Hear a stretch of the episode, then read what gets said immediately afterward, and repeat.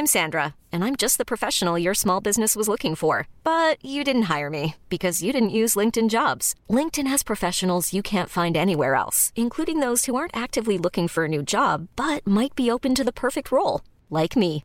In a given month, over 70% of LinkedIn users don't visit other leading job sites. So if you're not looking on LinkedIn, you'll miss out on great candidates like Sandra. Start hiring professionals like a professional. Post your free job on linkedin.com/achieve slash achieve today. Ryan Reynolds here from Mint Mobile. With the price of just about everything going up during inflation, we thought we'd bring our prices down. So to help us, we brought in a reverse auctioneer, which is apparently a thing. Mint Mobile unlimited premium wireless. Ready to get 30, 30, bit to get 30, bit to get 20, 20, 20, bit to get 20, 20, bit to get 15, 15, 15, 15 just 15 bucks a month. So, Give it a try at mintmobile.com slash switch. $45 upfront for three months plus taxes and fees. Promo rate for new customers for limited time. Unlimited more than 40 gigabytes per month. Slows. Full terms at mintmobile.com.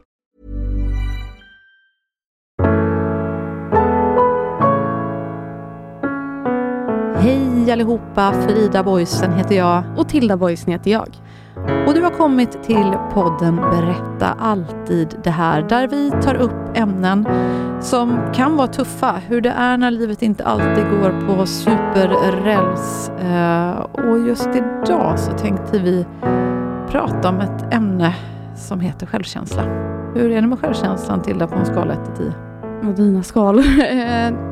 Ja, nej, jag vet inte, det går väl lite upp och ner. Mm. Fram och tillbaks, ut och in. Ja, men en siffra Ehm, ja, det, om du ska vara ärlig. jag vet inte, just nu kanske en eh, femma. Mm. Är det bra eller dåligt för att vara dig, eller på så? Eh, det beror på. Ibland är det väl inte på noll, ibland är den på tio. Så det Jaha, oj. varierar lite från dag till dag. Noll låter ju faktiskt helt fruktansvärt. Ja, det beror på hur man ser saker och ting. Noll i självkänsla. självkänsla. Mm. När, när är du nere på nollan? Mm. Ja, men vissa dagar när man bara inte mår så bra Mm. egentligen. Det behöver inte alltid ha hänt något direkt, utan det kan bara vara att jag vaknar upp och mår jättedåligt och känner mig helt värdelös Mm. egentligen. Det är en fruktansvärd känsla. Ja, Mm. du har aldrig känt en nolla eller?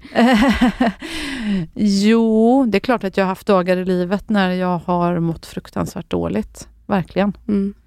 Eh, och när jag har varit nere på nolla i psykiskt mående, så så är det ju. Men självkänsla?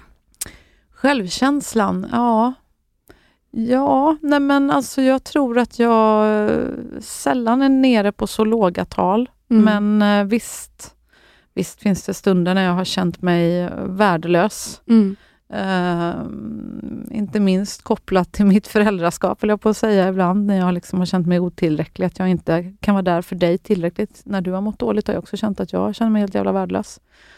Eh, och inte minst också när eh, min mamma tog sitt liv Mm. och, och sa att det var mitt fel. Då var ju inte min självkänsla riktigt på topp. Nej, det är klart. Så så är det ju. Så att vi har väl säkert alla, säkert du som lyssnar också, kanske varit med om att ha riktigt, riktigt låga tal. Eh, jag tror vi alla vet hur det känns. Mm. Att faktiskt känna sig värdelös.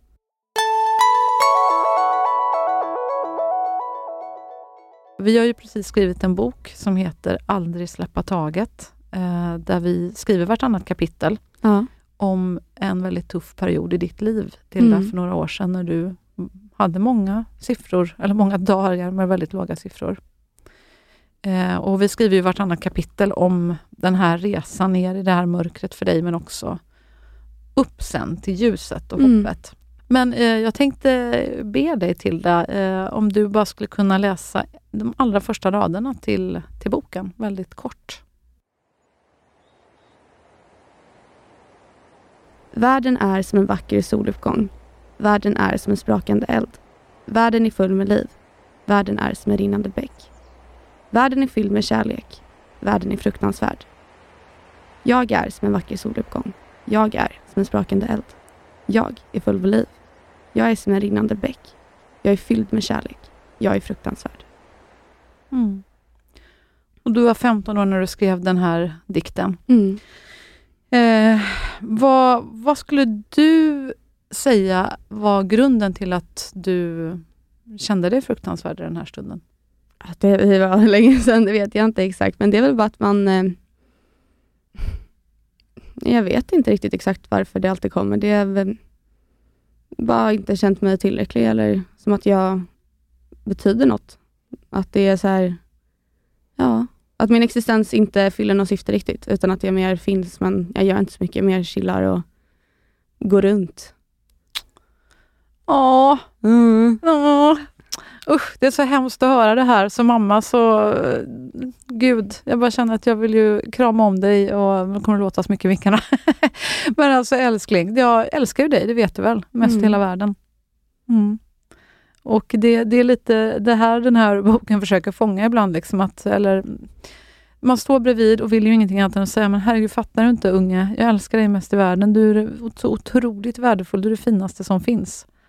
Och ja, hör du det, höll jag på att säga, i, i de här stunderna när du mår som sämst? Ja, men det beror väl lite på. Ibland så, som vi också skriver, så har väl jag tyckt att vissa grejer du säger är lite intressant valda. Hur menar du då? Nej men eh, väldigt så här oförstående har väl jag känt att jag kanske har sagt att men jag Mm. hatar mig själv och känner mig så ful och sen så så här, Ja men ska vi inte bada nu till Nu sätter på oss baddräkterna. Ja men kan det skulle jag bara, men nej jag vill inte. Jo, ingen kollar på dig. Det blir så bra så. När vi liksom hade ett samtal tio minuter sedan för att jag liksom avskydde mig själv. Mm. Och verkligen då och vi inte vill ha på min baddräkt och säger nej men jodå, snälla. Man känner sig men fuck you liksom, vad är det med dig? Ehm, så att eh, det, det, det, det, det är väl också lite med i boken att det är Ja men dels hur du tänker när du säger så men också vad, hur det känns för mig och hur vi inte riktigt når fram. Nej, precis. Det är ju, eh, ja, det, det har varit väldigt intressant och eh, läkande, men också först liksom att jag har fått lära mig mer om ibland hur idiotisk jag måste ha tätt mig för dig, när jag har Mm. försökt säga rätt och ibland kanske varit ivrig att försöka hitta på något kul som, vi, som du nämner här vid ett tillfälle i boken. Vi, vi har åkt till Göteborg och bestämt oss för att vi verkligen ska reda upp saker och ting. Eh, och då tänker jag så att, men gud, du älskar ju att bada. Liksom. Det brukar vi alltid göra på semester och det brukar ju vara så kul. Eh, och då tänker jag att vi ska göra det igen, för det brukar ju vara så roligt. Och du har ju älskat det sedan du var liten och var i vatten. Men, men vid det här tillfället blir det förstås helt idiotiskt och jättefel, för du har ju faktiskt precis försökt säga till mig att du inte alls trivs med din kropp. Nej. Eh, och det är klart att då är det ju otroligt ignorant och dumt av mig då att föreslå att vi ska bada då, när man kanske då ser ännu mer av sin kropp än vad man brukar göra. Liksom. Ja. Så jag ber om ursäkt för det Tilda, Ja, att jag var så otroligt korkad Det då. var det. Ja, det var det. Men förhoppningsvis hoppas vi genom den här boken att andra föräldrar och unga människor och mm, tonåringar och barn och allt möjligt, eh, alla åldrar egentligen, som går igenom eh, jobbiga grejer, att, att ja, kanske fler inte ska behöva upprepa de dumheter jag ibland har gjort. Eh, och vad har du insett när vi har skrivit den här boken, när du har läst mina delar? Mm. Nej men det är väl också att lära sig eller förstå att mycket, även fast jag tyckte att du varit liksom helt dum i huvudet många gånger så har det ja, nästan alltid kommit från med kärlek och välvilja. Även fast det i stunden blir konstigt för mig när du gör som du gör eller säger vad du säger så kommer det ofta från att du, eller nej, alltid egentligen från att du vill väl. Eh, så att få det perspektivet och få komma in i ditt huvud har väl blivit ja, men, man får en helt annan förståelse och bild av vad som hände och vad som händer och vem du är som människa egentligen. Mm. Eh, Du då? ja då, du Ja. menar när jag läst dina Mm. stycken? Eh, nej men det har varit ehm, åh, fruktansvärt på många vis, när jag har liksom fått komma in i, i ditt innersta, men ändå ett otroligt förtroende känner jag, att, att du skriver faktiskt exakt vad du känner väldigt ärligt och naket. Eh, och på något vis så är jag ändå väldigt glad att du gör det, för det är ju då man kan komma någon vart, när man vågar vara ärlig. Det är ju Mm. ett förtroende verkligen att ge till mig som mamma och även egentligen till hela svenska folket, Tilda, som du gör nu. Mm. Känns det okej? Att- Ja, det är klart. Ja, men jag bara tänker det så att liksom, det är kanske någon som tänker, men herregud, hur, hur eh, vågar hon göra det? För du är ju liksom 18 år, snart 19, men Mm. så ung och liksom, det var inte så många år sedan du var, var i, i det här mörkret. Eh, Känns det liksom stabilt? Känner du att du... Ja men det är klart, det, annars hade jag inte gjort det. Nej men jag tycker bara det känns väldigt fint att få skriva. Jag har ju, ja, du har ju skrivit om jobbiga grejer innan och vågat berätta och jag har ju sett vad det kan betyda för folk. Mm. Och det är ju fantastiskt många som har hört av sig till oss bara de här få veckorna nu som boken har varit ute och har gett så mycket kärlek till Mm. dig, Tilda, inte minst. Över, över Ja, dig med. Ja, faktiskt både och. Men, men att, eh, att den här boken har fått eh, uppenbarligen inte bara läka oss utan mm, faktiskt hjälpa fler människor där ute. Just Mm. den här känslan att inte bara känna att man är ensam, att det inte bara är, är jag som känner att jag Nej. har de här självkäns- självkänslan som ibland är, är nere i botten eller att man som förälder eh, känner sig otillräcklig. Man tycker att man försöker och man knackar på dörren och man säger Hallå snälla älskling kan jag göra något? Du vet att jag älskar dig. Och så räcker det liksom ingenstans. Ehm, det kan vara skönt att, höra någon annan som ja, vågar berätta hur, hur det är. Det är bara så skönt att känna att man inte är själv. Mm. Nej, men jag har blivit jätterörd av allt fint vi har fått. Det har betytt jättemycket. Så det, är, ja, det är väl målet egentligen. Med Ja. allt det här, för att kunna ge lite hopp och lite... Men inte känna att man är så ensam och att det finns något ljus i tunneln också. Ja. Liksom, att det kan, det kan gå bra, man kan komma ut på andra sidan. Att det, det finns andra och vi... Man kan få stöttning, man kan få stöd och att det, är- det är inte kört, det är det aldrig. Det- Utan det finns en väg och vi tillsammans kan vi hitta den. Så är det verkligen. Men eh, hu- hur är det, skulle du säga, och det kanske är svårt att svara på, men för det är väl många som undrar det idag. Alltså den psykiska ohälsan bland unga är stor och Mm. ökar. Har du någon gissning, som ändå fortfarande är tonåring, vad det beror på? Mm, ja, men det är massa olika grejer, men eh, skolan eh, är det många som mår dåligt över. Att det, eh, det är olika för varenda person, men att det kan vara något som blir väldigt ångestfyllt och väldigt stressande. Eh, och sen att vården inte alltid hinner i tid. Att man söker hjälp och försöker, men så får man den inte, eller så går det väldigt, väldigt lång tid och det blir ju det kan väl också kännas väldigt förödande för många tror jag. Att man, man försöker hitta hjälp, man vill bli bättre men så Mm. tar det så lång tid eller så får man inte det man behöver hjälp med. Hur var det för dig när du eh, fick vänta så pass länge som du ändå fick vänta från det att vi ringde 112 första gången och det var liksom akut läge och du mådde jätte, jätte, jätte dåligt och slog dig själv eh, och skrek att du inte orkar leva längre och sådär. Så tog det ändå nästan tre månader till första gången vi fick en tid på BUP. Mm. Och när då psykologen säger, eh, vad, vad säger hon egentligen till det?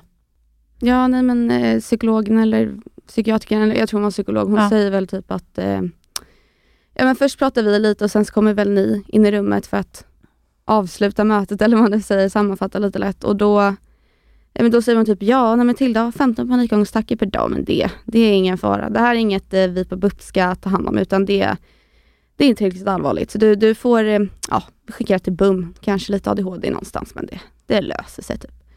Eh, Hur, hur var det då för din självkänsla? Jag antar att det kanske är lite läskigt att våga berätta för en, en psykolog för första gången hur man faktiskt mår där inne. Mm. Eh, ja, jag vet inte exakt. Jag var väl mer, jag hade ju inte snackat med er om någonting så det var väl mer det jag var så här orolig för. Mer. Men sen så är det ju, känns det inte så bra att man faktiskt typ pratar med någon första gången och så får man det som svar att det är så här, men det är ingen fara, det är bara lugnt, det är förkylning typ. Det blir lite, ja men det blir också för en själv att man inte har ett problem och att det bara är bra, att det är så här det är. Eh, och det kan ju bli ännu jobbigare då att försöka igen och prata med någon och få hjälp när man har fått höra att det, det är normalt, liksom, att det, det går över. Hur mådde du när du mådde som sämst? Eh, fruktansvärt dåligt. Det var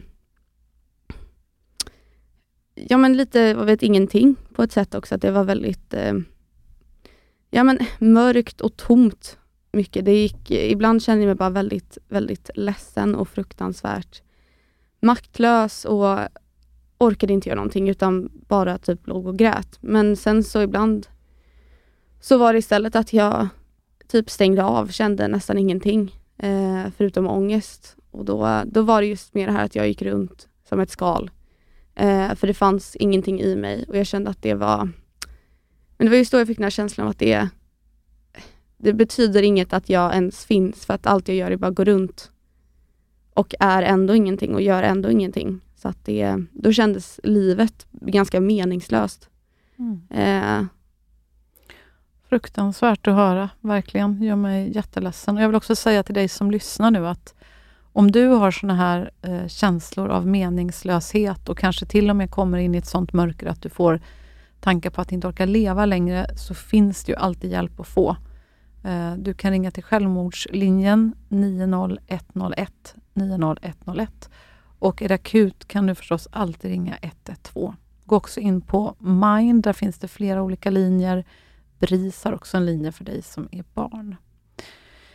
Eh, men Tilda, man kan ju förstås läsa mer om, om din resa och vår resa i, i boken. Men, eh, eller lyssna på den, finns ju som ljudbok också Ja. nu. Eh, jättefint att höra er som lyssnar och de fina kommentarer ni skriver.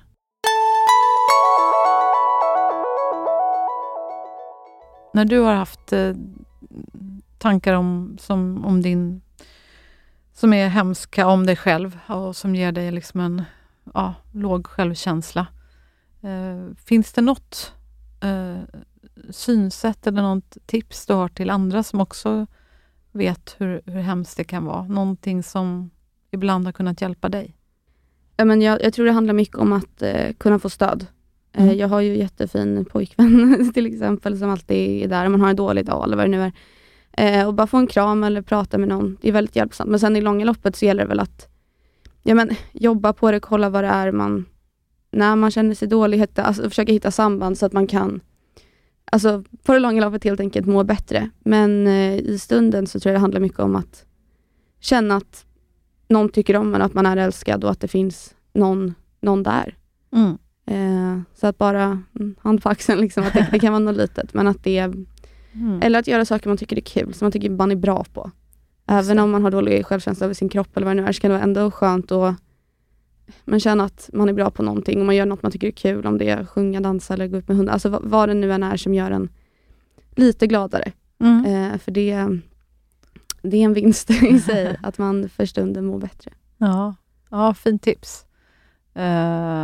Och jag tänkte på en annan sak. Eh, någon gång vill jag minnas att vi genom podden, jag kommer inte ihåg vilken gäst det var vi hade, men någon som sa, det var nog Ulla-Karin Nyberg som sa att Mm. eh, eh, hon sa att ibland när jag pratar med människor som har väldigt mörka tankar om sig själv, så säger jag, men skulle du säga så där som du säger till dig själv om din bästa kompis?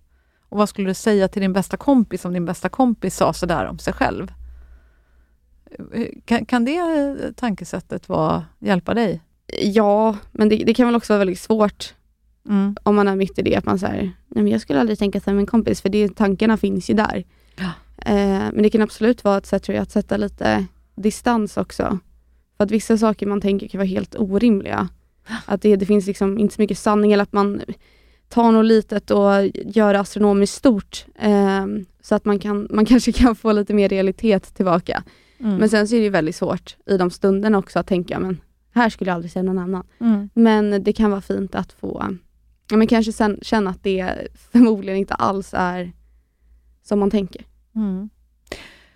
Jag tänker det är säkert flera som lyssnar som står bredvid en person eh, som man vet kämpar med dålig självkänsla. Hur ska jag som står bredvid göra för att försöka hjälpa den människan som just nu mår dåligt och har en självkänsla som inte är där den borde vara? Hur kan jag hjälpa? Mm. Ja, men dels där jag sa innan med stöd Mm. och bara lite kärlek eller Och kram. hur visar man det? Ge tips Nej men den som sagt lyssnar. kärlek, eller så kramar eller man bara frågar någon mår eller bara pratar lite, det kan vara vad som helst. Eh, Men ibland så kanske man inte vill ha en kram. nej, då får man respektera det. och vad kan man göra då? Ja, det beror väl på vad personen vill att man gör, liksom vad man är bekväm med. Men det kan bara vara att man frågar eller man... Även om man kanske inte fick en kram kanske uppskattas att man frågar Mm. i alla fall. Eh, men sen så tror jag också kanske att man ska tänka lite på vad man själv säger. Om man är nära, att om det...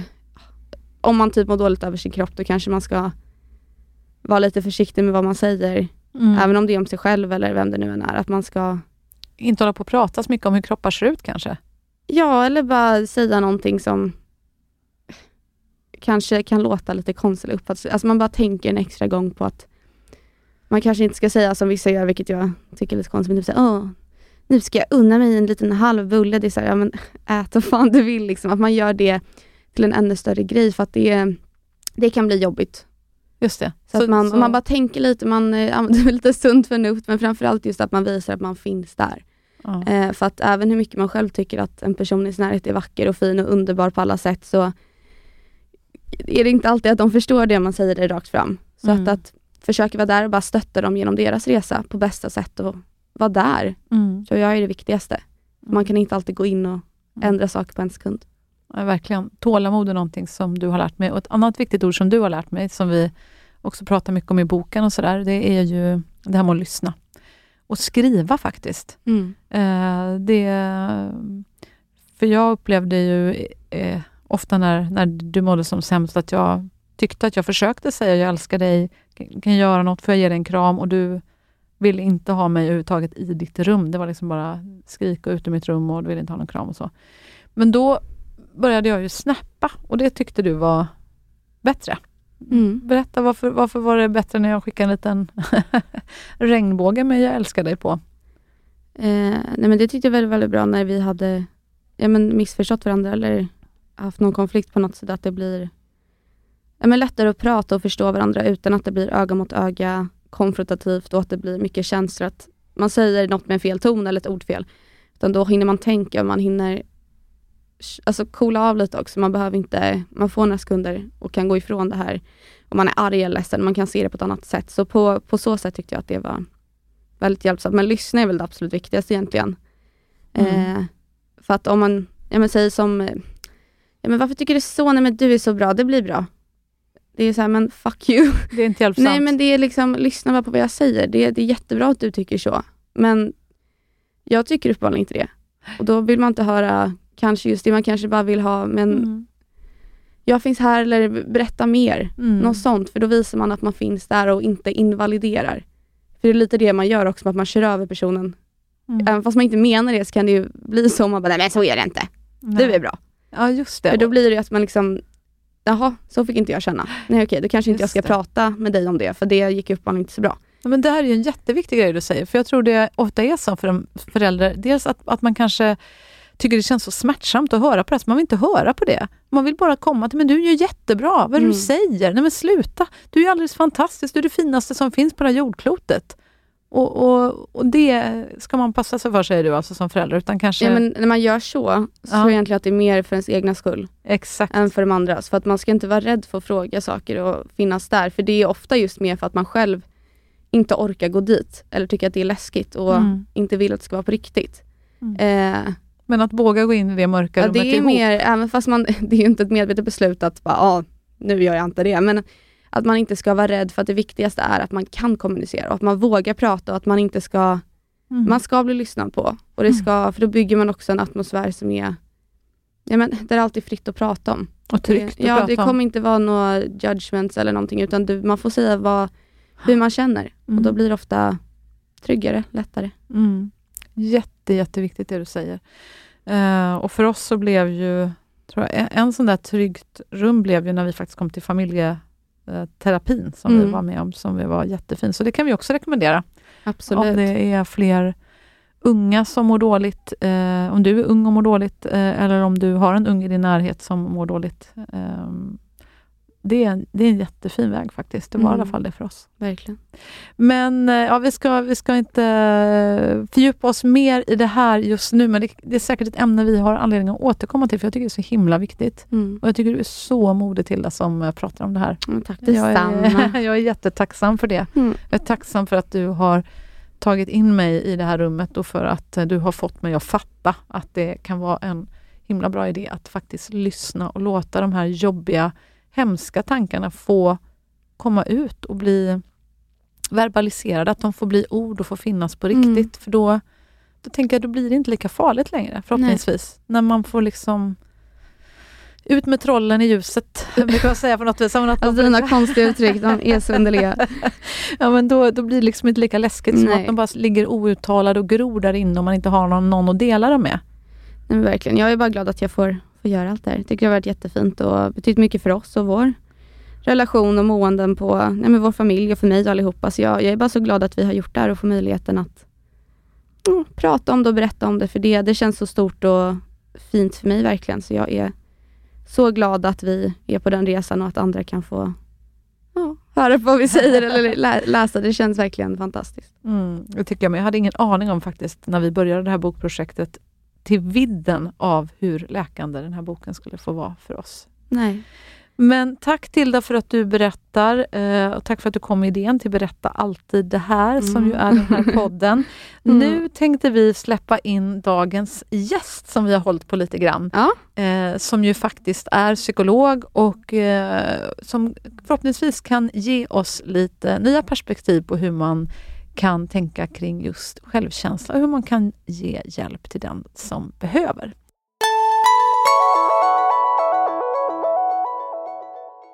Så vi säger varmt välkommen till Louise Lind från Minder. Varmt välkommen hit! Tack så mycket!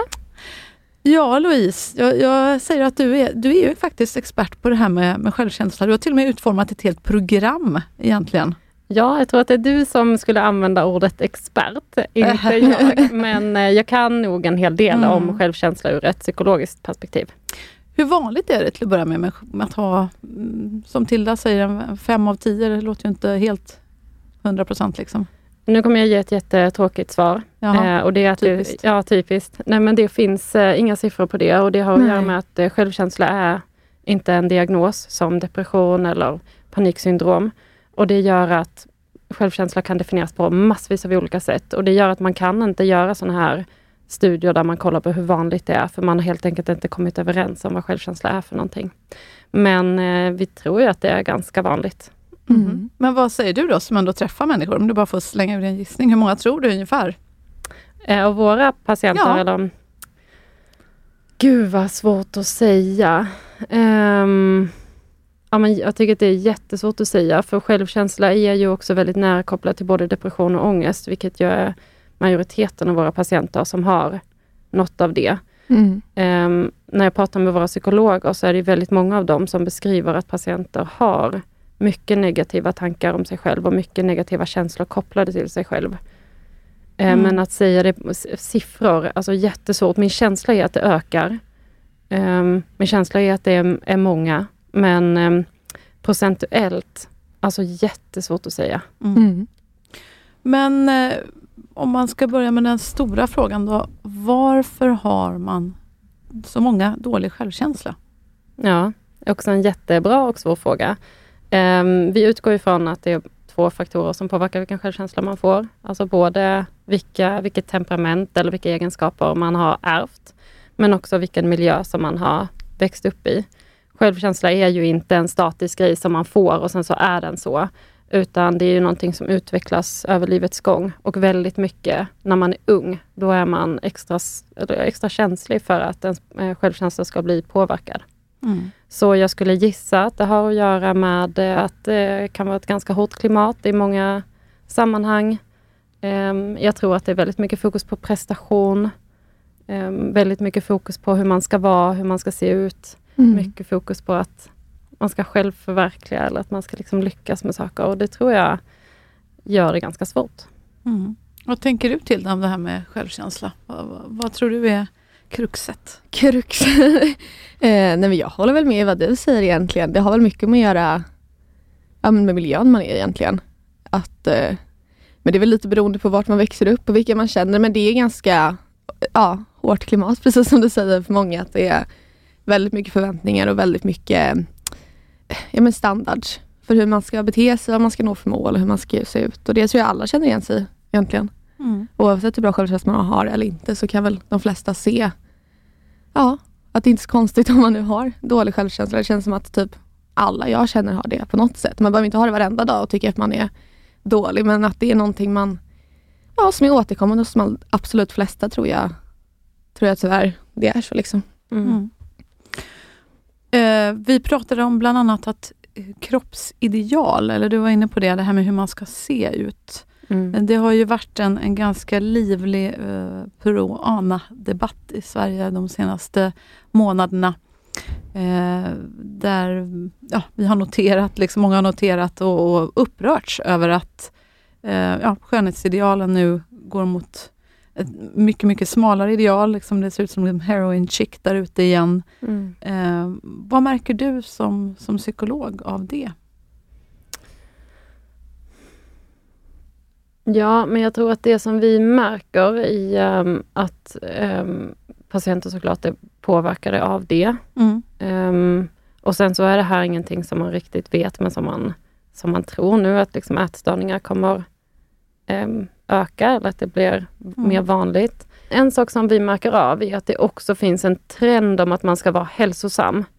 Och att den hälsosamma trenden också kan bli väldigt ohälsosam. För man blir väldigt kontrollerad i vad man Mm. får och inte får äta. Eh, och det är ju en sån sak som kan eh, spirala iväg på ett negativt sätt ganska så snabbt och som inte är så bra för ens självkänsla. Mm. Så du menar att till och med de hälsosamma trenderna kan bli ohälsosamma? För nu pratar vi faktiskt om en ohälsosam trend egentligen. Ja, men också. mycket av de där hälsosamma trenderna kan väl jag på typ ett sätt tycka är lite värre, alltså det beror helt på hur man gör. Alltså det är jättemånga som gör ett jättebra jobb.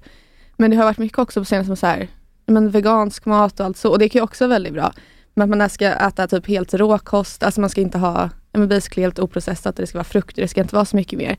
Och det handlar precis som vi säger väldigt mycket om kontroll. Också mycket människor som pratar om så här, när man går till gymmet, det är bara det här man ska äta, så här mycket ska man äta, så här mycket ska det väga Mm. så här mycket gram protein. Alltså det blir ju väldigt, inte så här, ah, försök att äta det här istället för det här. För det kan vara bättre för din hälsa. Det är kanske är bättre att äta mörkt bröd än vitt. Det är bara en liten förändring. Det handlar inte så mycket om att göra att det här är bra, det här är inte bra. Men när man börjar liksom Mm. väga maten och säga att det får absolut inte vara det här, absolut inte det här. Det blir så smalt. Och om man just börjar jag tror det är så det börjar för mig. Alltså så här att man börjar kontrollera lite och tänker ah, det här är bara en liten och sen så blir det mer och mer och eftersom man sätter så mycket gränser och inte mer Mm. rekommendationer så är det lätt att man själv drar gränserna ännu mer. Och att, Mm. men då började jag så här, men då gör jag så här för det ska bli ännu bättre resultat. Så att det kan ju bli mer kontrollerande och förstöra mer tror jag än eh, ja, men på ett sätt det här du pratar om. Mm. Att eh, ja, men, idealet blir smalare så det är klart att det också påverkar.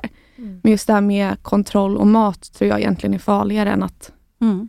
det blir en smalare på ett sätt. Mm. Grejen är att jag tror också att de verkligen hänger ihop. Om Mm. det blir ett smalhetsideal så vill man ju uppnå det genom Mm. att äta mer hälsosamt. Eh, Och jag vet inte om ni får upp det här i ert Instagramflöde, men jag får väldigt mycket upp så här. Idag är det fredag, byt ut det här mot det här, för då kommer det liksom, det är 300 kalorier mindre. Mm. Eh, och det är ju eh, jättebra information att ha om man behöver gå ner i vikt av många olika anledningar. Men de flesta människor kanske skulle snarare behöva träna sig på vad är jag sugen på? Mm. Eh, Och om jag är sugen på ett eh, glas champagne och lite chips, ja men käka det då. Mm. Jag tror att det här kontrollerandet i att alltid välja det här liksom, kalorisnålare alternativet, det gör att man kommer bli mer sugen på de där kalorierna. Det, det går liksom inte att kontrollera sig själv hela tiden. Men jag, tror du, jag tror ni båda är inne på något viktigt, men, men det du sa till också om det här med, med, med kontrollen, är det inte det som Jo. tyvärr liksom stjälper oss ibland? Jag, jag vet, jag, eh, jag, jag hade ju en PT för ett tag sedan och då fick jag också tipset så här liksom att ja men, eh, men eh, håll koll, då, då fanns det någon app som jag, jag liksom skulle regga. Livesum. Ja precis, Ja. vad jag skulle regga vad de, de här liksom, ja, allt jag stoppade i mig, vad det, vad det, hur mycket kalorier, hur mycket protein och fett och, sådär det var. Och, och jag håller med dig till det, är, liksom, det är så lätt att det letar sig in i, i huvudet och, och ja, att det tar över. Så jag, jag tyckte den var lite läskig faktiskt. Så att, Mm. eh, jag, jag tackade för kaffet där så att säga och eh, gick vidare i livet. och gjorde som, som du sa Louise, att äh, vad fasen, är jag jättesugen på, på lite godisnappar en kväll, då, Ja. då får det faktiskt Men det handlar väl om att balansera mycket också. Att det behöver inte vara extremt åt något håll. Det är Mm. så här, man kan ju ja, hålla sig till det man vill men är man sugen på något, det är klart man ska äta det. Liksom. Ja, men det är ju lätt att säga men det är... Nej men jag menar det är väl det viktiga egentligen att ha med sig att det ska vara balanserat och att man ska lyssna på sig själv också. Men hur gör man det då? För, Ja, det vet jag inte men det är väl det som är viktigt egentligen. men, men, men Louise, säg då att man, man har en, en eh, kass självkänsla. Där Man känner själv, nej jag, jag mår inte bra i mig själv. Jag, för vad är självkänsla om du verkligen ska, bara ska definiera det? Ja, som sagt så finns det ju ingen enhetlig definition. Det, finns, det spretar åt lite olika håll. Men vi har valt att definiera det som, och det är ofta så det definieras, att det liksom är grundinställningen man har till sig själv. Så om man tänker på sig själv så får man vissa tankar eller vissa känslor. Det känns liksom bra eller dåligt i magen. Och det brukar vi säga är självkänsla. Mm. Och det, kärnan i självkänslan är någonting som kallas för grundantagande. Nu blir det väldigt teoretiskt här, Mm, men det är mm, liksom själva grundinställningen som man har till sig själv. Och den kan vara positiv, negativ eller neutral. Om man har, vi kallar det för låg självkänsla, för Mm. det positiv och negativ kan också bli så att man verkligen vill sträva mot en positiv Mm. självkänsla. Och det kan också bli att det leder till kontrollbeteenden som inte blir så hjälpsamma för en. Så vi har valt eh, låg och hög. Mhm. Eh, och har man en låg självkänsla så kanske man har ett grundantagande om jag är dålig, jag är ful, jag är fel, jag är äcklig. Någonting sånt som är väldigt negativt. Och det visar sig i vardagen på många olika sätt, i många olika situationer. Och brukar ställa till det ganska mycket för en. Mm. Och om man nu har en dålig självkänsla och känner att jag är ful, eller vad det nu är man går Mm. omkring och tänker. Hur ska man göra då för att vända den känslan till att inte gå omkring och tänka att man är ful, utan tänka att jag kanske duger? Ja, eh, jag tror att man ska komma ihåg att självkänsla är ingenting som skapas på en dag. Så man kan inte sätta kravet på sig själv att man ska skapa en bra självkänsla med tre tips från psykologen. Nej. Vad synd. Ja. Okej. Nej, men det här är ju allvarliga saker och jag författar att det tar tid. Men, Ja. men vad, vad är nycklarna? Några nycklar, även om du inte kan ge bara tre tips och quick fix så är det klart. Nej, men den första nyckeln tycker jag är att våga undersöka det här lite närmare. För självkänsla ser så olika ut för olika personer och man kan ha mer eller mindre stabil självkänsla. Ehm, om man har väldigt skör självkänsla så kan man uppleva det som du beskriver till det. Mm. Att ibland så känns det helt okej. Alltså ibland tycker jag att jag är en helt okej människa.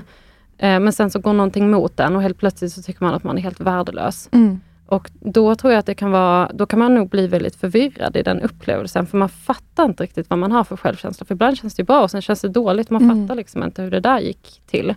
Så jag skulle säga att mitt eh, första tips är att våga närma sig, närma sig sin självkänsla lite grann och se vad den betyder för en själv. Och rent konkret menar jag då att man ska ställa sig frågan, om man ställer frågan så här, om jag hade haft en jätte, jättebra självkänsla, vad hade jag gjort annorlunda då i mitt liv? Vad hade jag tänkt annorlunda? Vad hade jag gjort Mm. annorlunda? Vad hade det sett eh, annorlunda ut? Då tror jag man får en hint om hur den här självkänslan ställer till det för en. Och då vet man också vad man kanske ska förändra. Spännande. Vad, vad får du för tankar då Tilda, du som sa femma här? Om du hade haft en självkänsla som ligger på tio, vad hade du gjort annat Ja, jag vet, det är väl lite svårt att veta sådär egentligen. Men det är väl mer, alltså jag baserar inte jättemycket på hur jag känner i mig själv kanske på, det är väl mer måendets påverkas än vad man, för mig i alla fall, vad mer gör. Alltså rent i livet om man går ut eller vad man gör. Alltså det brukar inte påverka så mycket. Det är väl mer hur man mår i sig själv. Så att man väl mått bättre förhoppningsvis i sig själv och ja, känt bättre självkänsla helt enkelt. Spännande. Så börja tänka på det. Vad är det för, eh, hur skulle det vara? Hur skulle det kännas att ha en bättre självkänsla och identifiera det först? Ja, för jag tror att det är också viktigt att veta att det liksom finns inget självändamål i att ha en bra självkänsla. Mm. Eh, Det är, inte, det är liksom inte lösningen på saker och ting, utan det går jättebra att leva ett jättebra liv med en självkänsla som är låg och skör. Mm. Så länge det inte ställer till det för en. Om man märker att så här, nej men jag kan inte ha relationer för Mm. jag börjar kontrollera saker så fort jag går in i en relation. Eller eh, jag kan inte mm, åka på de resorna som jag vill för, ja, på grund av någonting. Mm. Då tycker jag att då, då ställer det ju till det för en. Eller om Mm. man märker att man jobbar övertid jättemycket, för man har jättesvårt att stå ut med att inte veta saker helt säkert. Då, Mm. Då ställer det till det för en och då Mm. kan man kanske behöva göra någonting åt det. Men Mm. jag tycker inte att man ska tänka att så här, jag måste få en jättebra självkänsla, för då kommer jag kunna göra saker som är meningsfulla och viktiga för mig. Mm. Men jag tänker, jag har inte mycket just med typ all självkänsla, även fast det kan ju se väldigt olika ut som du säger, men har inte det i grund och botten väldigt mycket med att göra just kontroll? Jag tänker också om man kollar på med vissa ätstörningar, det är också en stor procentdel av folk som har det som också har problem med typ ja, mycket kontroll, att man har OCD, att det kan vara liksom en blandning eller att en samsjukdom i att man just har ett väldigt stort kontrollbehov och att det påverkar ens självkänsla väldigt negativt för att man inte kan just kontrollera allt. Är det...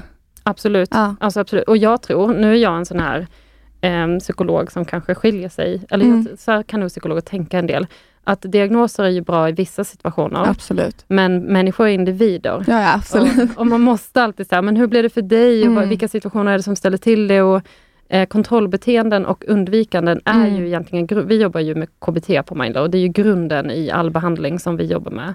Och det är ju olika för olika personer.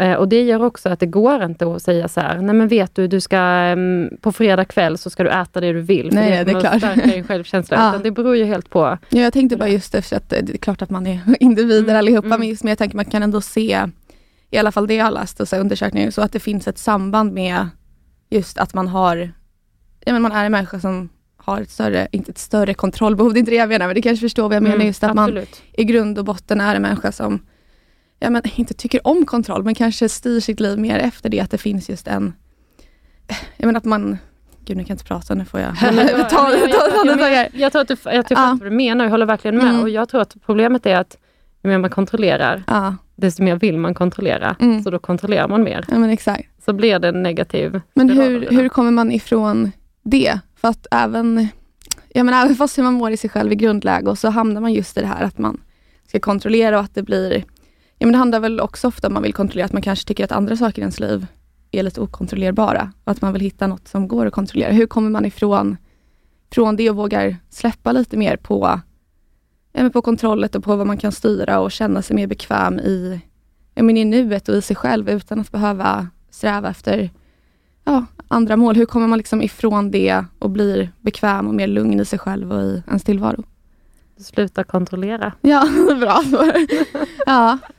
Ja, det låter ju lätt. Ja, det Ja. låter jättelätt och så Mm. är det jättetufft i verkligheten att Ja. göra det. Men det är också viktigt alltså, att ha det här långsiktiga perspektivet. Inte tänka att nu ska jag lösa det här på en månad, utan Nej. det här handlar om att lära om. Ja. Eh, och då tänker jag att om man upptäcker det här när man är i 20-årsåldern, Mm. då måste man också ha med sig att det liksom tagit 20 Mm, år är att lära klart. sig det här. Så man är lite snäll mot sig själv i Mm. också den förändringen. Jag tänker KBT, det handlar ju också en del om att våga ja, men utsätta sig för saker man kanske tycker är lite jobbiga och våga, ja, men våga vara lite obekväm och sen också hitta ett sätt att hantera det och liksom jobba vidare.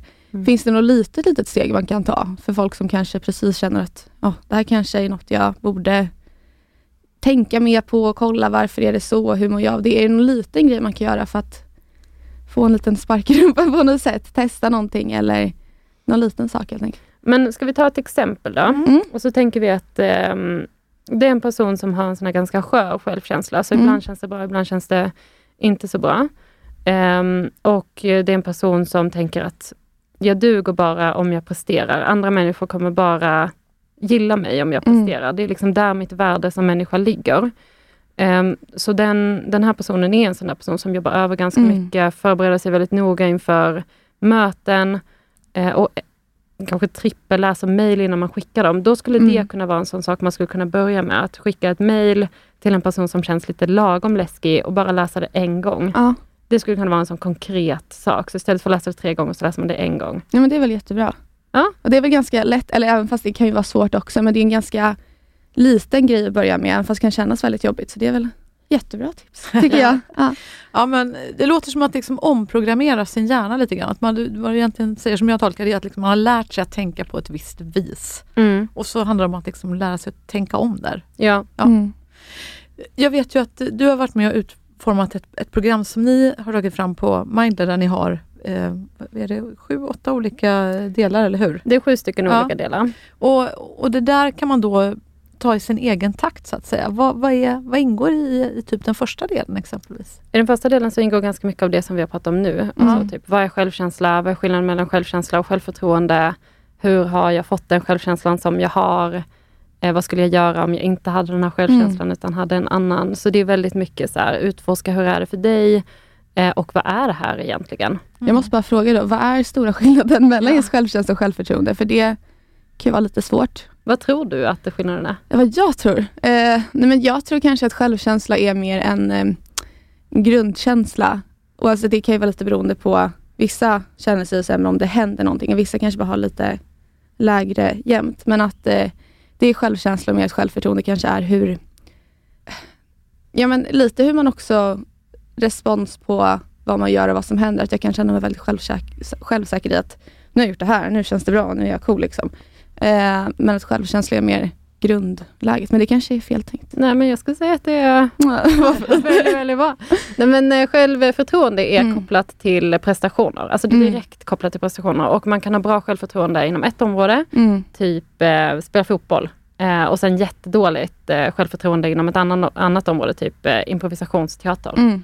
Ehm, och det kan vara kopplat till självkänsla. Alltså självförtroende och självkänsla kan vara linkade till varandra, Ja. men de behöver inte vara det.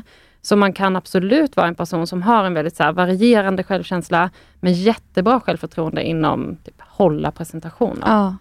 Eh, Men det kan vara bra att höra också, för jag tror att jag också lite omedvetet ibland tänker så att ja men nu känns det som att jag, jag tycker att det går bra i den här delen, nu tycker jag har gjort ett bra jobb. Och då så får man bättre ja, men självförtroende. Och då kanske man så här, tänker att det är mer sammanlänkat vad det faktiskt är med just självkänsla och självförtroende. Att man kanske, jag kanske gör det ibland, att jag lägger för mycket vikt också i hur självkänslan är. För, alltså i hur självförtroendet faktiskt ser ut. Att nu har det gått bra, så nu mår jag lite bättre i mig själv. Och sen Mm. när det inte är så, så mår man sämre i det. Jag tror att eh, det kan gå åt båda hållen. Mm. Det kan också bli en sån här, jag känner mig bara okej med mig själv när jag presterar. Ja. Så jag fortsätter prestera för det är bara där jag Mm. tycker att det känns okej att, att vara mig.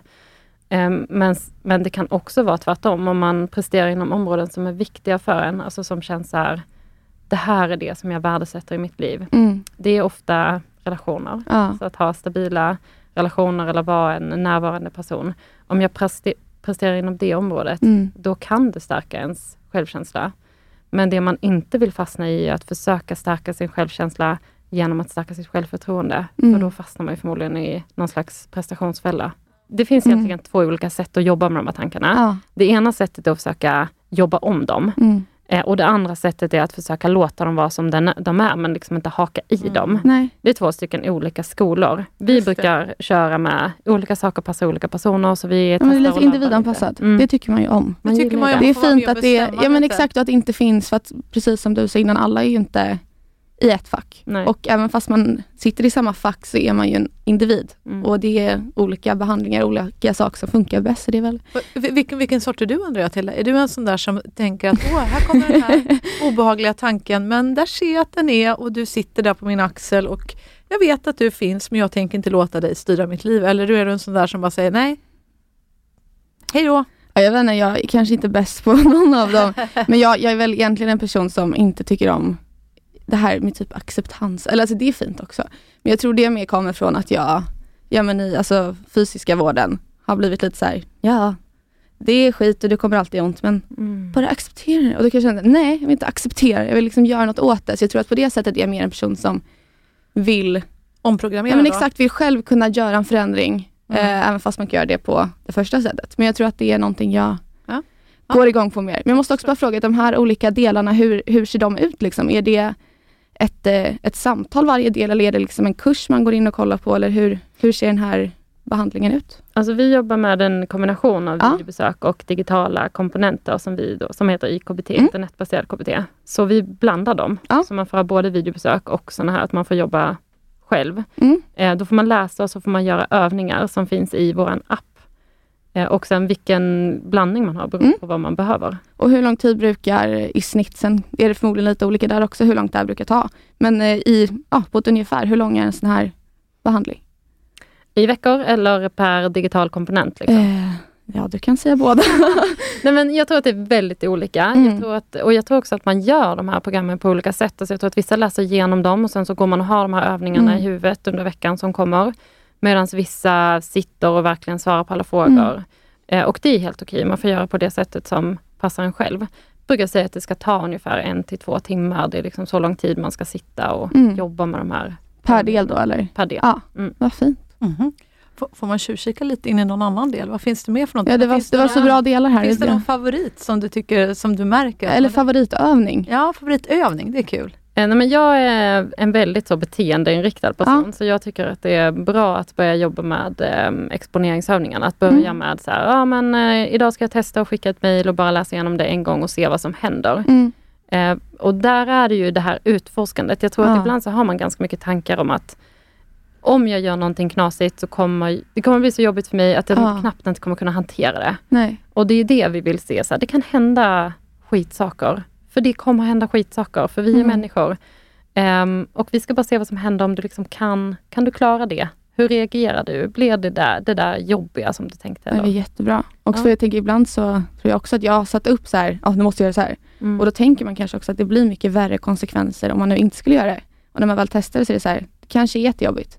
Men för mig har det inte alltid varit lika jobbigt och det är så här, jaha, Mm. det kanske går att fortsätta med det här liksom. Ja. Ja. Jag brukar ju ofta tänka så här, vad är det värsta som kan hända? Ja, det är du bra på att tänka. Ja, det, det är liksom, för mig har det nog varit en väg till hälsa i livet, tror jag. Vad Mm. är det värsta som kan hända? Jag, vet, jag sa det till en, en vän som eh, gick i, i eh, gruppterapi, som eh, hade utmattningssyndrom. Och, och eh, det, det, det, det blev någonting för den, hela den gruppen faktiskt, när Mm. de delade med sig och så här, vad, vad har varit hjälpsamt för dem när de hade gått den här gruppen ganska Mm. länge. Och då var det en annan person som sa, ja men eh, just det där som, som din kompis hade sagt, men Ja. är det värsta som kan hända? Det har liksom blivit mitt nya mantra. Men det är kanske lite skönt i gruppterapi också. Ja. Att alla typ säger också, så kanske man också kan bara så här, "Ah, men det kanske inte... Man kanske har lite konstiga tankar i vad det är som det värsta som händer. När man så här delar med sig så är det så här, "Ah, kanske inte är så farligt ändå att testa nya. Nej, Liksom. nej, men jag tänker att det, Jättefint. det, det, det är inte så dumt. För det är precis som du säger Louise, att liksom ofta kan man ju få för sig att det ska bli så himla fruktansvärt om man gör på ett visst sätt. Att man Programmerat sig själv och det. Ja. bara. Släpp det Ja, bara, det är ju- prova. Vad är det värsta som kan hända? Jag brukar tänka så här, ja, jag som håller på och talar mycket exempelvis. Mm. Tänker så här, ja, vad är det värsta som kan hända om jag går upp på en scen och talar? Det är många som tycker att det är läskigt. Liksom. Eh, jag tänker, ja, men det är väl att folk börjar skratta åt mig. Typ. Eller liksom Ja. börja prata eller gäspa eller titta på klockan och säga åh gud hon är dryg, åh helt ointressant. Liksom sådär. Men då tänker jag så här, ja det, då, då, då kanske de har rätt, det är skönt, då får de en Mm. liten mental break, då behöver de inte lyssna, då kan de bara tänka Alltså, jag måste, du är ju så sjuk människa i det här. Men du, du, alltså, jag har aldrig träffat någon tror jag, som är liksom så positiv i typ allt som du är. Ja, men det är så här, det kan jag vet inte, typ jorden går under och du bara, ja men det är okej, vad är det värsta som kan hända? Ja, det, det blir bra, det löser sig. Det, ja. Ja, det, det måste, kanske kan vara jobbigt att vara med en sån person. Jag tänker ibland Jag ibland blir jag frustrerad på det. Ja, för ibland tänker jag så att ibland kan det också vara gruppdynamik. Om man är med en person som är väldigt positiv, då Ja. kan man bara känna så här, usch, nu kan inte jag vara positiv, för det är redan någon som har paxat Mm. den platsen typ. Jag tycker det är fint i grund och botten. Ja. Alltså det kan vara lite inspirerande på ett sätt. Mm. Om det är så någon som bara, jag vet inte, går på något jobbigt, men de bara, äh, nu går vi över här, det blir så bra alltså. Det kan ju vara fint. Ja, det är mer så ibland när jag bara varit ledsen och bara så, wow, och du bara, nej men det blir bra, det är ingen fara, nu går vi vidare här. Ja, nej. Ska jag vara på att bli bättre på Ja, men jag tycker bara att du är ett sånt eh, intressant exempel, för du är typ liksom lite motsatsen på ett sätt. till Ja, men jag, till, till typ mig är lite inställning, för du, du, är så här, du är så himla, men bra också på att typ känna, ja nu kanske, eller se vad du är rädd för eller vad som kan bli jobbigt, som du precis sa när du talar. Ja. Men liksom också direkt kunna omprogrammera på något sätt vad din reaktion skulle kunna vara. Så istället om någon är dryg eller Ja. inte är uppmärksam, liksom du redan innan så här, ja det kanske kan vara jobbigt, men då tänker jag så här. Du, Ja. du, bara, du är så Men det kanske, på tå. Är, det kanske är det att, att, precis, att, att man också är förberedd på vad som kan hända, tänker jag. Det här kanske handlar mer om prestationer och så egentligen. Men i, i längden kan det också påverka ens självkänsla. För det är klart att man kan bli, det kan sätta spår i mångas själar tror jag, om man står framför exempelvis en publik och folk liksom bara gäspar eller skrattar och sådär. Men om man då liksom redan har tänkt, börjar någon skratta? Bra, vi behöver skratta mer i det här landet. Härligt, får man i alla fall lite humor, det är ju kul för dem. Liksom. Men då, då är man ju beredd. Liksom. Eh, Vad, vad, vad säger du om Louise? Vad, vad är det här för taktik som jag håller på med? Nej, men jag tycker att det låter som att du verkligen är en sån här person som har eh, glaset halvfullt. Ja, jo, så är det. Ja, så det är halvfullt. du är galen. Nej, men jag tror att den där strategin kan vara, just det där gruppsammanhanget, så jag att Mm. det kan vara jättebra för att testa lite så här, ja men är mina tankar realistiska? För man Ja. kan ju få helt orealistiska tankar Mm. om man bara tänker själv. Eh, sen så tror jag nog att eh, vissa människor skulle kunna använda den här strategin och verkligen se katastrofer. För det värsta som Ja. kan hända är ju att du kissar på dig eller pruttar högt eller... Ja, men då gör man det. Men du, du, vem tänker så? Du, du är helt... Äsch. Ja, men jag menar, då slipper ju någon annan vara orolig för att den pruttar i alla fall. Jag menar, då, då har Ja, men- man ju gjort det. Då, Ja. Shit happens, att Ja, det är klart det är, klart det är. Ja, precis. ja, men förlåt Louise. Ja, men det låter som ett uttryck på en väldigt eh, liksom, hög eh, självkänsla. För det som också karaktäriserar det är att man, Mm. det känns liksom okej med att misslyckas för att Mm. alla människor har rätt att misslyckas om man tror verkligen Ja. på det. Men har man en låg självkänsla så känner man ju inte så. Man kan ju rent rationellt försöka övertyga sig om att det är så. Man kan tänka sig om andra men inte om Ja. sig själv. Så jag tycker att det du beskriver låter ju verkligen som ett exempel på... Jag, jag kan tänka på också, liksom, apropå det här att våga misslyckas på något vis. Det, Har du någonsin misslyckats? Oh. Nej, jag... Nej, men alltså, herregud. Nej, men jag tänker precis att det är ju någonting vi gör hela tiden. Mm. Och jag, jag gillar ju inte ens ordet misslyckas, Mm. för jag tycker det är så missvisande på något vis. Då Mm. låter det som att man missar lyckan. Jag menar ju att det är precis tvärtom, att det är väl vägen till lycka. Att man inte alltid gör rätt hela tiden, Nej. utan att man lär sig någonting. Och Mm. att lära sig något tycker jag är liksom bland det finaste som finns här i världen, för då utvecklas vi ju. Det tycker jag är liksom lite grann så här mänsklighetens motor, att man får utvecklas som människa. Och, och därför tänker jag att vi kanske borde bli bättre på att ja, men våga berätta om när, när allting inte Mm. går som man har tänkt sig och de gånger man faktiskt eh, blir ledsen på sig själv och ångrar saker man har gjort eller blir besviken på sig själv. Men det var väl någon, eh, var det Avicii Foundation som gjorde den här undersökningen? Exakt. Eh, på, när de frågade vad är det som gör att unga mår sämst idag? Mm. Och då svarade ju, jag vet du hur många procent det var? Ja, det var i alla fall överlägset störst som Ja, det var svarade. skolan. Mm. Mm. Eh, Ja. och det tror jag absolut Mm.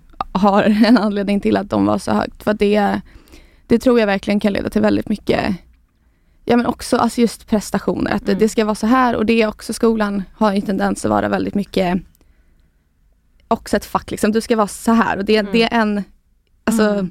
perfekt människa, det är lite grundat på. Och Mm. så är ju de absolut flesta inte. Nej. Och det är ju lite svårt att hitta jag menar, en utbildning som känns bra då om det inte är riktigt gjort för en själv. Mm. Eh, och det kan ju leda till mycket stress. Att det kanske kan dels vara att man behöver lite längre tid på sig att göra vissa grejer än andra och så hinner man inte med. Eller att det är mycket att man ska göra. För så har det varit mycket att det är, nu har vi ett arbete och så ska det vara i typ två månader och så ska jag göra jättemycket hemma. Mm. Det kan ju också vara jättesvårt för vissa att det är jobbigt att dra igång det själv. Att Mm. man behöver någon på lektion som är såhär, nu gör du det här Mm. och så kör du. Men, men det, det är precis det du säger till, att Mm. mycket exekutiva ehm, funktioner som man säger att man måste ha i skolan idag, att leda sig själv. Mm. Så var det ju inte för länge sedan när vi gick i det här vanliga gamla kunskapsskolan som man får Mm. höra ibland att det heter då. Ja. Men, men att, jag menar, redan när, när du och din bror gick på lågstadiet till så var det ju så att ni skulle hålla själv utvecklingssamtalen med oss föräldrar. Och jag kan känna så här liksom, ja, jag känner så här, vad tillför det? Alltså, vi har ett samtal hela tiden med våra barn. Hur går det i skolan? Kan du berätta? Men det intressanta kan jag tycka ibland att höra, men vad tycker läraren då? Den vuxna personen i rummet och vad är utmaningarna? Så där? Men Mm. längs kanske, det är inte bara jag, jag som tycker utan det är framförallt barn och unga när man frågar eh, i stora undersökningar. Vad, vad är det ni upplever jobbigt i skolan? Menar att det, det känns för tufft Mm. att leda sig själv och så stora projekt som du pratar om, det är ju mer Ja, jag vet inte hur det var för dig Louise när du pluggade på universitetet. Jag har också pluggat en hel del på universitetet. Det är ju mer som när, är, när man är lite äldre och, och har kommit längre också i hjärnans utveckling. Att, att lägga upp stora långsiktiga planer, Mm. kunna planera och leda sitt arbete. Är man verkligen mogen för det när man är ett så ungt barn? Och särskilt om man har ADHD och som många barn har, två till tre liksom i, i varje klass idag. Det, då blir det ju en tidig utslagning. Vi märker ju att eh, vad är det, var sjunde elev klarar inte högstadiet idag. Nej. Det går, och går inte ut med godkända betyg, Mm. är inte behörig till gymnasiet. Det Mm.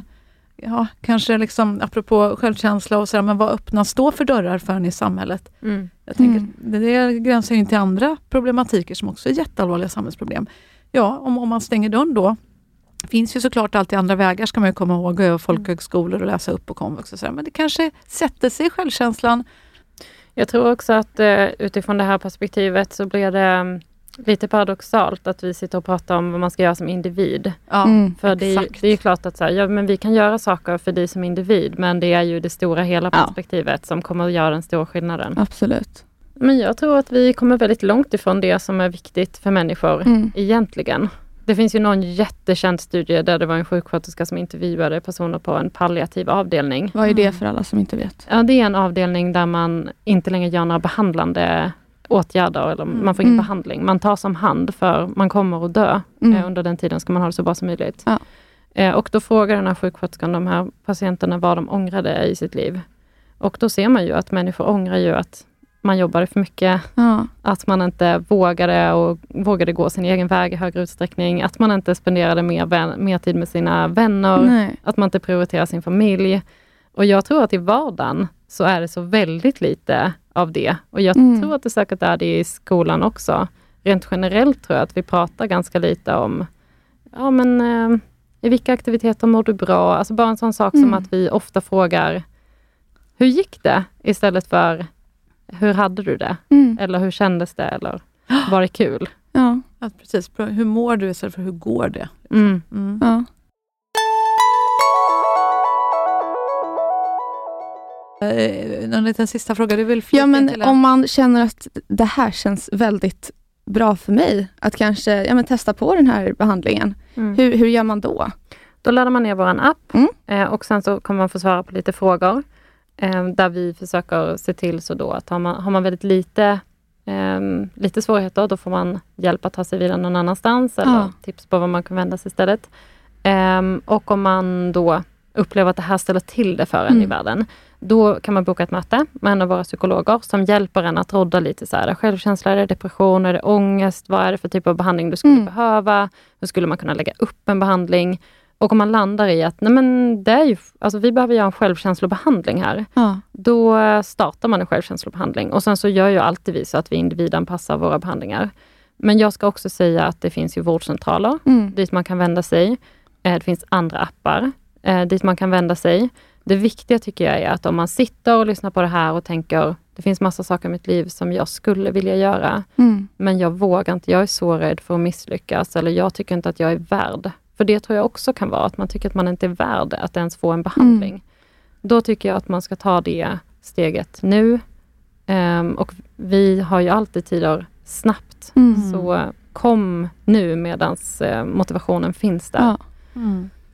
Bra ord tycker jag. Ja, Fånga verkligen. motivationen. Du är ju såklart värd att må bra. och Ja, verkligen. Verkligen, det är alla. Verkligen. För vi är ju människor och i mänskligt liv så ingår ju lidande. Det kommer Mm. ju alltid Vara så. Men om man ser tillbaks på de senaste åren och märker att ja, men det här livet är inte det livet som jag önskar för mig själv. Så är det inte meningen att man ska känna. Nej. Det är inte meningen att man återkommande ska tycka illa om sig själv. Mm. Och det går att förändra. Det tycker jag är det viktigaste nästan av allt du har sagt. Att självkänsla, det är inte något statiskt. Nej. Nej. Utan det går att förändra. Det, det finns verkligen hopp och mycket verktyg och många människor som kan hjälpa dig. Och alla hittar ju sitt sätt och sin, sin terapi kanske som funkar bäst för dem. Men Mm. eh, jätte, jättefina tankar du har delat med dig Mm, idag. verkligen. Hur, hur känns det i dig Tilda? Var det något speciellt du fick med dig? Nej, men jag tyckte hela samtalet var jättefint. Jag tyckte det var så bra så. Ja, Ja. jag kan inte välja vet du. Nej. Men jag väljer allting. ja, Mm. men eh, med det sagt, hoppas att du som lyssnar kände att du fick med dig goda tips av eh, samtalet med Louise som vi är så tacksamma att ha med oss. Och tack till Mindler också, Ja, verkligen. som är med och möjliggör att vi får faktiskt göra den här podden. Och Mm. till alla er lyssnare som lyssnar, vi är så glada att ha dig med oss.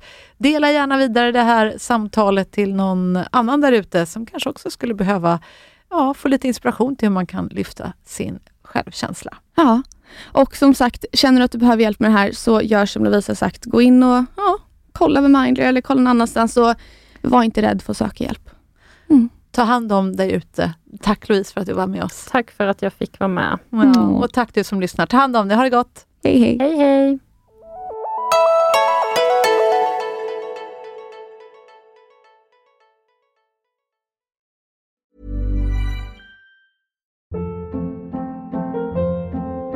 Hold up. What was that? Boring. No flavor. That was as bad as those leftovers you ate all week. Kiki Palmer here, and it's time to say hello to something fresh and guilt-free. Hello Fresh. Jazz up dinner with pecan-crusted chicken or garlic butter shrimp scampi. Now that's music to my mouth. Hello Fresh. Let's get this dinner party started. Discover all the delicious possibilities at hellofresh.com.